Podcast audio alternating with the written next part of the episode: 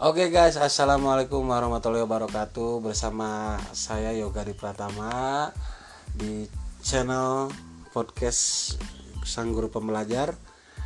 Hari ini saya bersama istri saya kembali akan berbicara mengenai eh, studi lanjut untuk guru SD. Nah, jadi guru SD itu eh, harus menempuh dulu pendidikan profesi agar bisa memperoleh sertifikat pendidik artinya pendidik yang profesional. Nah kebetulan istri saya udah nih istri saya udah ikut PPG sementara saya belum. Eh, nggak tahu mau atau enggak tapi lihat nanti aja. Eh, oke gimana teh? Eh bu assalamualaikum. Waalaikumsalam. Aduh Bagaimana Pak Yoga saya diundang lagi nih? diundang terus karena tidak ada tamu sekarang social distancing Cobalah cari tamu yang lain. nggak nggak ada kalau cari tamu yang lain nanti kamu cemburu udah Enggak ya, laki-laki lah. udah skip nah. oke bu eh, tahun berapa ibu PPG Oke, saya mengikuti PPG itu tahun 2018 kalau nggak salah. 2018, Hmm, 2018. Eh, berarti apa dalam jam dalam jabatan atau prajabatan Saya itu sebenarnya masuknya ke prajabatan ya, karena kan di situ tertulisnya saya 0 0 tahun bekerja kan. hmm, Nah, kalau dalam jabatan itu nanti direkrutnya itu dari ada tercatat instansi mana gitu kalau dalam jabatan. Kalau saya prajabatan, hmm, tapi sebenarnya itu saya tuh masuknya PPG SM3T tetapi masuk ke prajabatan. oh PPG SMTKT itu gimana ceritain bu Jadi kalau saya PPG SM3T itu jadi PPG-nya itu bisa dibilang beasiswanya lah, beasiswanya Oh. hasil dari SM3T dikasih Giveaway. bonus ya, bonus giveaway lah gitu. bonus dari SM3T-nya itu sendiri. SMTKT itu yang ngajar di luar pulau gitu Iya, ya setahun ngajar di luar pulau, kembali lagi ke sini. 6 bulan lah itu menunggu Pak lama juga itu. enam bulan oh. 6 bulan menunggu eh, kabar kapan sih PPG akan diadakan. jadi setelah pulang dari apa Pulau Nias ya Mm-mm. ke sini itu nggak langsung PPG ya Tidak, banyak proses lah Pak. banyak proses tapi Hmm. sekarang alhamdulillah sudah oh itu biayanya berapa Kalau untuk PPG sendiri, Hmm. eh, kalau yang saya ya Pak ya, Hmm. kan karena beasiswa, jadi saya gratis. Termasuk saya kan diasramakan Hmm. selama satu tahun ini. Kalau dalam jabatan kan hanya berapa bulan ya kalau jadi di asrama kan ya diasramakan. ah, Nah, kalau kemarin saya lihat-lihat di web mengenai PPG yang prajabatan ya, yang bayar hmm. itu 7 juta setengah pak per semesternya. Hmm, memang sih jadi PPG itu kan kalau di KKNI eh, poinnya 7 sementara S2 poinnya 8 Eh, itu biayanya nggak beda jauh sih 7 antar 7 sampai 10 juta. Memang tapi ibu alhamdulillah gratis ya. Alhamdulillah ada rezekinya di situ lah. asrama gratis. Alhamdulillah gratis juga. Hmm, terus eh, kehidupan sehari-hari di sana? Makan dan lain sebagainya? Untuk makan kita juga diberi pak di apa? Di di handle oh dengan Hmm, di handle segalanya lah makan uang saku meskipun ya mungkin turunnya tiga bulan sekali lah itu uang Oh, sakunya uang saku ada. Oh, enak juga. Jadi tidur gratis, makan gratis, uang saku gra dikasih juga. dikasih juga Oh, uang berarti- buku kasih Tinggal uang buku. Oh, berarti tinggal belajar sebetulnya. ya. tinggal belajar Berarti Pak. ini bebannya berat kalau nanti berat di kehidupan tempat- ini kalau nanti di tempat kerja jadi gurunya konyol, ya mungkin itu bisa jadi pertanyaan harus jadi dievaluasi. jawaban diri ya Harus dievaluasi program tersebut. Oke, Bu enak sekali ya. tapi satu tahun pak enak-enak aja Hmm, tapi ini ah ya pokoknya rumit lah pak kalau dijelaskan ini hmm, ya ya ya, ya ya. ya. biasa lah kalau orang itu wih enak ya enak ya gitu ya tapi tidak seenak itu juga Hmm. Tapi disyukuri selalu lah ya alhamdulillah. harus disyukuri lah PPG Iya. gratis gitu.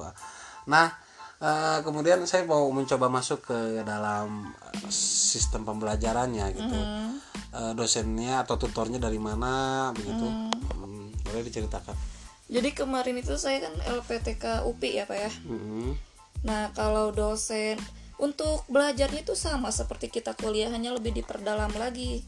Apa yang diperdalam kalau saya itu lebih ke eh, pembelajarannya tuh seperti apa kita membuat pembelajaran tuh seperti apa medianya evaluasi belajar.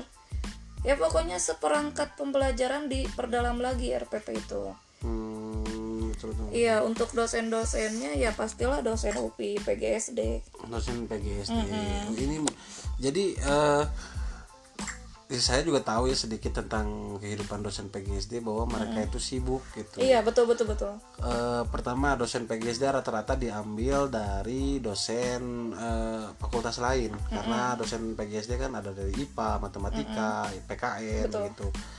Jadi jam ngajarnya itu dibagi luas. Ada yang di pasca seperti saya. Jadi dosen saya ada namanya boleh saya sebutkan Dr. Bebang Robandi itu ngajar di pasca juga, ngajar di PGSD juga. di PPG juga Eh, ngajar di PPG juga Iya. jadi oh, luar biasa sibuk kalau dosen-dosen ini ya dosen-dosen PPG Pak itu ini. juga Pak siapa? Suaminya Bu eh Pak siapa yang suaminya Bu Pasca teh yang kemarin baru Teh Hani, Teh Ah, Hani. Bu- Bu Hani Teh Hani. Pamuba Ah, Pak Mubarak juga kan. ya ya ya betul jadi banyak eh, dosen-dosennya dari dosen PGS nah tadi diperdalam mengenai pembelajaran mungkin itu kepada proses pembelajarannya mungkin yang diperdalam seperti model Iya, metode betul, betul, betul. teknik begitu Betul. Nah, oke lah kalau itu sudah saya paham lah pasti PPG itu sangat menguasai eh, bagaimana proses membuat pembelajaran baik tapi Tapi pernah nggak diarahkan untuk em, membuat administrasi pembelajaran yang baik itu iya dikasih tahu juga Pak bagaimana membuat prosem yang itu kan Ah. prosem rota tapi di kalau yang saya dapat sih pak ya mengenai seperti administrasi sekolah yang seperti itu ketika kita di dunia kerja juga kita kan eh, apa belajar lagi ya pak Mm-mm. bahkan memang sama tetapi bahkan kita diperbarui terus kan oleh pengawas oleh dari eh, kurikulumnya tersebut kita belajar terus. Meskipun kita sudah belajar waktu PPG tapi pada dunia kerja kita belajar kembali lah terus. Tapi gini loh eh, dari teman-teman saya yang PPG itu justru eh, tetap memposisikan sebagai eh, saya saya baru tahu gitu saya awam saya juga nggak tahu gitu. kok kok- nah itu jadi pertanyaan tatkala PPG adalah pendidikan profesi yang harusnya menjadikan guru itu menjadi lebih profesional Um, seperti di lawyer misalnya uh, atau di hukum yang mengambil keprofesian notaris dia sudah tahu seluk beluk notaris dari mulai A sampai Z semuanya. Tapi kok yang PPG teman-teman saya PPG mohon maaf yang ini saya rasakan. Jadi begitu saya menanyakan ini gimana? Saya juga baru tahu saya juga baru tahu ini kalau misalnya nyusun RKS ini gimana? RKT ini gimana? Saya juga nggak tahu saya belum bisa gini oh berarti saya saya tanya diajarin nggak? Enggak sana kita lebih fokus ke pembelajaran. Oh tapi Iya sa- tapi saya seketika nanya lagi eh, pembelajaran baru yang gimana? Dari riset riset itu juga mereka ada yang kurang tahu juga gitu. Jadi oh, apa sih itu pendekatan pembelajarannya sebetulnya? Oke pertanyaan yang bagus Apa- sekali. Oke. Oke pembe- pertanyaan yang bagus sekali pak ya. Memang oke pertanyaan yang sangat bagus ya pak yoga ini weh. Sangat sangat lumayan. Memang mengenai administrasi secara keseluruhan untuk sekolah gitu ya. Mhm. untuk sekolah dan dijadikan itu kan kalau seperti RKJM, RKT, RKAS itu lebih ke administrasi TU-nya mungkin ya Pak ya? Oh. Kepala sekolahnya pun ya untuk menjadikan kepala sekolah ya betul nggak? Tapi itu eh, salah satu masukan SNP 8 standar, standar ya Eh, saya kira tuh jadi 8 standar semuanya diajarkan di PPG tapi kan eh, fokusnya cuma standar isi proses sama lulusan mungkin ya. Iya memang sih kita diajarkan tuh 8 standar nasional itu. Tetapi memang yang diperdalam mm, standar isi standar proses dan mengenai yang tadi seperti RKT, RKJM kita tidak mempelajari itu Pak. Saya jujur saja saya baru tahu pas di sekolah apa itu RKJM, apa itu RKT, apa itu RKS. jadi memang nah ini mungkin jadi evaluasi sendiri kepada LPTK penyelenggara PPG ya karena tidak beririsan langsung dengan sekolah kecuali hanya pas PPL itu juga PPL, ya. mengajar dan itu juga disibukkan dengan ujian-ujian gitu Iya ya. betul sekali banyak sekali ujiannya. Kemudian yang tadi tuh pak saya kurang enak juga bapak bilang seperti itu. Yang mana? Tadi bapak bilang eh apa terlepas dari administrasi lah saya maklumi kata bapak gitu kan. Tapi eh, saya tanya juga mengenai model-model pembelajaran terkini yang gitu itu ternyata tidak tahu juga. Ya itu kan kembali kepada dirinya pak apakah dia belajar terus setelah PPG ataukah hanya stuck di situ saja? Hmm, dan bapak jangan ngejudge begitulah. Berarti kalau ibu mah belajar terus ya? Insya Allah bapak. Kan bapak yang ngajari eh astagfirullah. Tapi itu itu fenomena loh Bu Indri. Saya tahu lah PPG eh, penyelenggaranya bagaimana saya tahu kualitasnya. Tapi tapi ini masih ada beberapa lulusan. Tapi masih ada beberapa lulusan eh, yang memiliki motivasi yang rendah untuk eh, kemajuan pendidikan gitu. Saya tahu beberapa teman saya yang PPG yang laki-laki membuat media wah gitu udah Luar total biasa. ya total. Tapi kemarin ketika saya bertanya kepada salah seorang yang sudah PPG eh, ketika ada proyek aktualisasi yang CPNS saya tanya tuh kepada dia "Eh, ini aktualisasinya mau sampai mana nih? Mau bagaimana dia bilang jawab dengan seenaknya sambil nyeleneh. Ya yang penting gugur kewajiban udah beres nanti mah nggak usah dilaksanain lagi. Berarti di situ saya miris sekali. Kok hasil PPG serendah itu gitu sekerdil itu pemikirannya? Jadi apa yang dia pelajari selama satu tahun di PPG sementara motivasi untuk meningkatkan pendidikan juga rendah. Nah ini kira-kira apa sih faktornya Bu Hendri Berarti Bapak itu kembali lagi bahwa ada oknum memang tadi Bapak sebutkan sendiri ada oknum tersendiri kan? Tidak semua tidak semua seperti itu kan, Pak? Mm-mm. Nah, apa sih kata Bapak apa sih faktor apa? Bisa jadi kalau saya lihat itu faktor lingkungannya sendiri sekarang, lingkungan kerjanya bisa jadi. Tapi yang paling mendasar itu saya yakinkan dari dirinya sendiri lah. Kalau tidak ada motivasi, iya nggak Pak? tetap dirinya sendiri ya Mm-mm. Kesadaran diri. tapi yang seperti ini banyak ya ditemukan di teman-teman PPG Jujur saja kalau teman-teman saya tuh pada luar biasa sih Pak orang-orangnya. Bener, nggak nggak bohong beneran. Beneran luar biasa. Kalau saya lihat di sosmednya melihat eh, mereka sering share juga, sharing juga bagaimana kegiatan mereka sekarang. Ada yang mengajar di swasta, ada yang mengajar di SD negeri pun sudah kembalilah ke ke kampung halamannya masing-masing dan mereka tetap luar biasa mengajar dengan setulus hati kalau saya lihat itu. Hmm, Tapi intinya Pak, terlepas dari segala Bapak berbicara administrasinya yang kurang, entah eh, tidak menguasai model pembelajaran, tapi yang saya rasakan Pak setelah mengikuti PPG itu, poinnya itu di situ kan PPG itu mengembangkan eh, meningkatkan empat kompetensi guru kan mm-mm.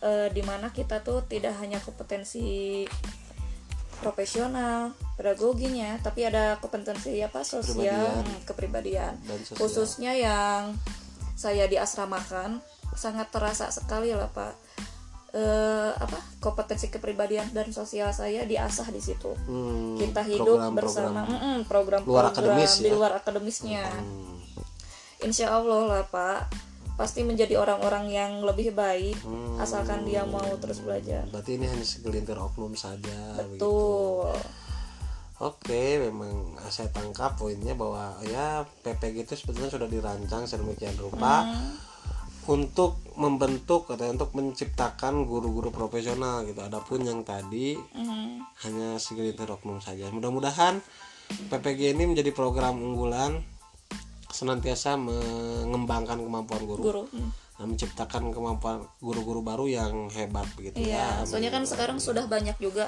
pak PPG dalam jabatan PPG Hmm, yang dari luar daerah itu pokoknya semuanya sudah terbuka lah asalkan kita mau buka webnya ikut di situ alur pendaftarannya seperti apa insya Allah pasti lolos amin. Eh, ada closing statement? apa ya jangan pernah takut kalau misalnya mau mengikuti PPG adapun yang sekarang berbayar ikuti saja insya Allah sangat bermanfaat Hmm, meskipun berbayar tapi nanti ada eh, imbalan yang lebih ada ada imbalannya ya. ada feedbacknya Oke, harapannya sih ke depannya untuk pendidikan Indonesia. harapannya semoga saja Indonesia tidak hanya pendidikan di Indonesia ini lebih baik, lebih maju, eh, bisa melaksanakan eh, merdeka belajar yang sekarang kita gaungkan ini dengan sebenar-benarnya merdeka belajar. Dan yang pastinya yang paling utama adalah saya sebagai guru bisa melaksanakan merdeka belajar tersebut. Amin hebat hebat keren ya. Begitu podcast kali ini. Eh, Assalamualaikum warahmatullahi wabarakatuh.